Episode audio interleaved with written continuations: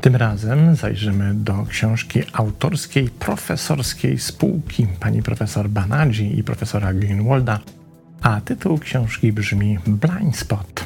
Zapraszam.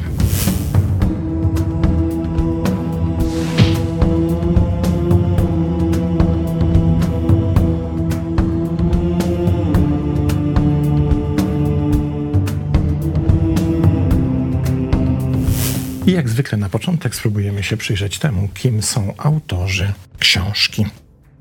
Pani profesor Banerjee i pan profesor Greenwald współpracują od ponad 30 lat, aby zrozumieć, jak nasze umysły działają w kontekstach społecznych. Ich szczególny badawczy nacisk kładziony jest na nieświadome, automatyczne, mniej refleksyjne aspekty umysłu i decyzje, które ludzie podejmują w odniesieniu do siebie i innych w społeczeństwie. Ich analiza skupiła się na kategoriach społecznych płci, rasy, wieku, klasy, seksualności, niepełnosprawności, religii, polityki, narodowości i wielu innych grup społecznych, które charakteryzują współczesne społeczeństwa. Pani profesor Banadzi uzyskała tytuł doktora na Uniwersytecie Stanowym Ohio, natomiast pan profesor Greenwald doktoryzował się na Uniwersytecie Harvarda. Obecnie na Wydziale Psychologii Harvardu pracuje pani profesor, a pan profesor Greenwald jest profesorem psychologii na Uniwersytecie Waszyngtonu. I zajrzyjmy zatem do pierwszego fragmentu, który być może nam wyjaśni, o co chodzi z tym tajemniczym tytułem. Jak u wszystkich kręgowców, w siatkówce naszego oka występuje martwy punkt. Ten obszar nie ma komórek światłoczułych, a zatem światło docierające do tego miejsca nie znajduje ścieżki do wizualnych obszarów mózgu. Paradoksalnie możemy zobaczyć nasz własny martwy punkt.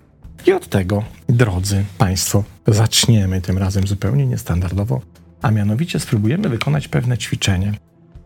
Ćwiczenie, które pokaże nam, o co tak naprawdę chodzi z tym martwym, czy też ciemnym, ślepym punktem naszego wzroku. Ci z Was, którzy oglądają ten materiał na telefonach lub tabletach, niech proszę chwycą tablety czy też telefony swoją lewą ręką.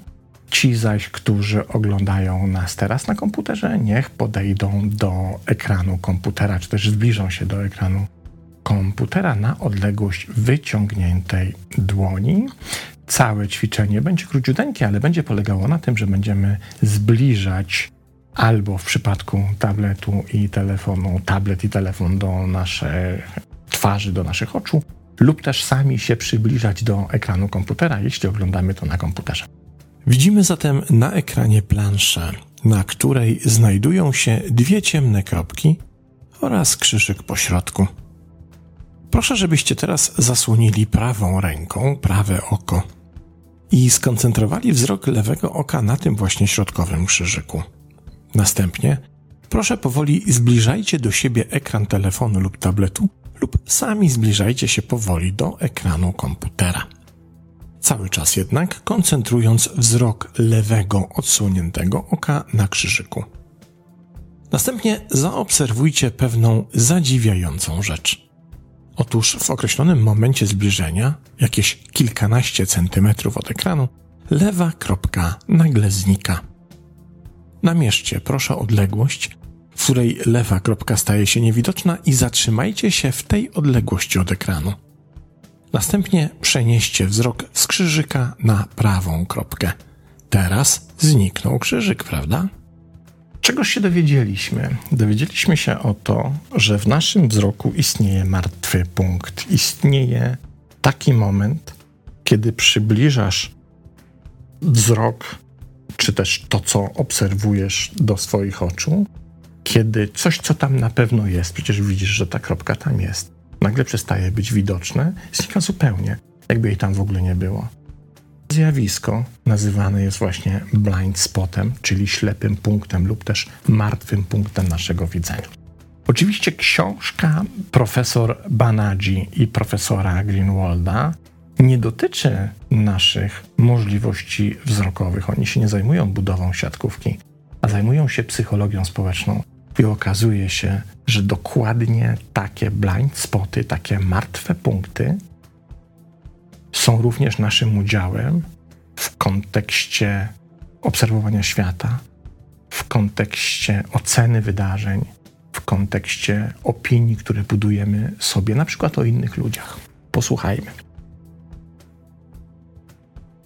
Zamiast efektu percepcji wzrokowej, ta książka skupia się na innym typie ślepego punktu, który zawiera duży zestaw uprzedzeń i utrzymuje je w ukryciu. Ten martwy punkt z ukrytym odchyleniem ma tę samą cechę, co martwy punkt, którego właśnie doświadczyliśmy za pomocą obrazu, siatki i kropek. Możemy być nieświadomi ukrytych odchyleń w taki sposób, w jaki nie jesteśmy świadomi martwego punktu siatkówkowego w każdym z naszych oczu, a to oznacza, że ukryte uprzedzenia są w stanie kierować naszym zachowaniem bez naszej świadomości i jej roli w tym zachowaniu. Posłuszmy się teraz przykładem pochodzącym z pewnego badania.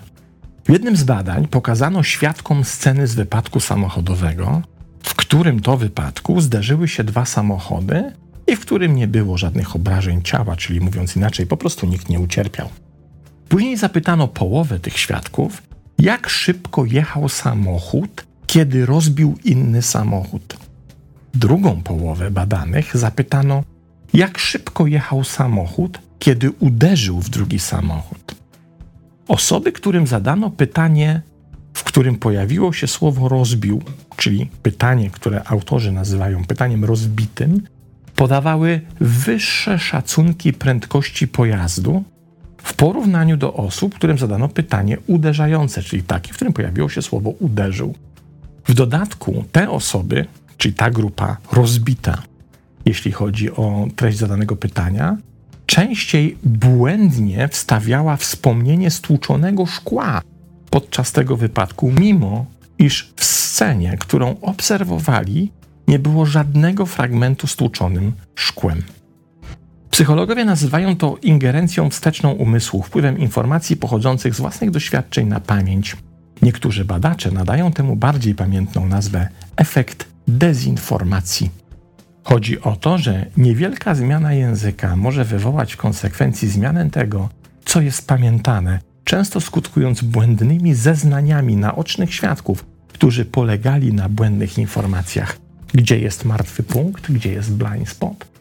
Otóż w tym, w jaki sposób zostało sformułowane pytanie, bo to od tej formuły zawartej w pytaniu zależy to, w jaki sposób będziemy udzielali na nie odpowiedzi a między innymi to, co pokazują badania, czy zapamiętamy rzeczy takie, jakimi rzeczywiście były, czy też takie, które są nadpisywane, konfabulowane poprzez efekt naszych własnych doświadczeń, skojarzeń, czy też kotwic, którymi dysponujemy. Jeśli słowo rozbite kojarzy nam się z rozbijaniem szyby, to istnieje olbrzymie prawdopodobieństwo, że kiedy ktoś nas zapyta, o wypadek, używając słowa rozbite, zapamiętamy, że zobaczyliśmy tam rozbitą szybę, mimo iż tak naprawdę tej rozbitej szyby tam w ogóle nie było. A teraz przełóżmy to z wypadku, który możemy obserwować w wiadomościach, w gazetach, gdziekolwiek, na nasze podejście do innych osób. Sposób, w który będziemy sobie sami opowiadać, jaki ten ktoś, nowo na przykład poznany, ma zestaw cech, będzie determinował to, jak będziemy widzieć tę osobę, jak będziemy do niej podchodzić, w jaki sposób będziemy ją obdarzać początkowym zaufaniem, czy też w jaki sposób będzie nas od niej odrzucać właśnie na podstawie na przykład zaufania, którego nie chcemy jej powierzyć. Te rzeczy, te blind spoty, nazywane są często w języku angielskim mindbugs, czyli myślowymi insektami, robalami. Poczytajmy. Umysłowe insekty to zakorzenione nawyki myślowe, które prowadzą do błędów w sposobie postrzegania, zapamiętywania, rozumowania i podejmowania decyzji. Oceniając ludzkie charaktery, prawie nie dostrzegamy, jak właściwa jest nasza ocena i czy na pewno jest właściwa. Nawet jeśli opiera się ona tylko na odrobinie informacji. Społeczne insekty umysłowe mogą dać nam zarówno fałszywe uczucia wiary w ludzi, którym być może nie powinniśmy ufać, jak i odwrotnie, poczucie nieufności wobec tych, którym być może powinniśmy ufać. Co ciekawe, społeczne mindbugi wpływają na nasze osądy na temat innych, ale także na nasze osądy o nas samych. I teraz uwaga, kolejne badanie. W badaniu przeprowadzonym w Yale wykazano zadziwiającą korelację. Otóż negatywne przekonania na temat osób starszych, które sami starsi ludzie mieli, gdy byli młodsi, zapowiadały ich podatność na choroby serca w starszym wieku. Efekt ten pojawił się nawet po skorygowaniu wyniku badania o udział innych czynników, takich jak depresja, palenie i historia rodzinna. Tak, to nie przesada. Ludzie, którzy, będąc w młodszym wieku, myślą o starości w kontekście chorobowym, czyli stawiają na przykład znak równości pomiędzy byciem starym a byciem schorowanym, częściej chorują na starość. Ciekawe, prawda? To jest właśnie rodzaj umysłowego baga, umysłowego robala, insekta, którymi potrafimy sami siebie krzywdzić, bo nadajemy pewne znaczenia, pewnie sensy naszym opiniom czy ocenom, które później stają się rzeczywistością. Jak piszą autorzy, przyswajanie stereotypów nie wymaga specjalnego wysiłku, pomijanie ich nie jest łatwe ze względu na wartość ogólnych procesów psychicznych, w których zakorzenione jest stereotypowe myślenie. Te same zdolności umysłowe, które pozwalają nam odpowiednio postrzegać i kategoryzować, które są nam niezbędne do uczenia się i rozumienia oraz które sprawiają, że odnosimy sukcesy w wykrywaniu i rozpoznawaniu, są również zdolnościami, które mogą nas zwieść. To właśnie posługując się blind spotami, dokonujemy rozróżniania na my i nie my, swoi, nasi i obcy wrogowie, fajni jak my i niefajni jak nie my. To wszystko powoduje, że podlegamy pewnym schematom myślowym, pewnym stereotypom, a czasem uprzedzeniom w stosunku do płci, w stosunku do odmienności, w stosunku do innej rasy, innego koloru skóry, czy w ogóle kogoś, kogo uważamy za mniej godnego niż my sami. I to po nas niestety widać. A widać to po nas, ponieważ nasze reakcje znikają z naszej świadomości i z naszego postrzegania tego, jak możemy wypaść, dokładnie tak samo jak ta ciemna kropka na samym początku naszego dzisiejszego odcinka i eksperymentu. Co zatem zrobić, jak się wyzwolić z tych blind spotów? Jest tylko jedna droga, ona zawsze wiedzie przez świadomość, czyli musisz sobie uświadomić, na ile Twoje reakcje są dyktowane właśnie takim blind spotem, z którego sobie nie zdajesz sprawy. Są takie przebłyski w naszym zachowaniu, są takie delikatne informacje, które nas mogą naprowadzić na właściwy trop.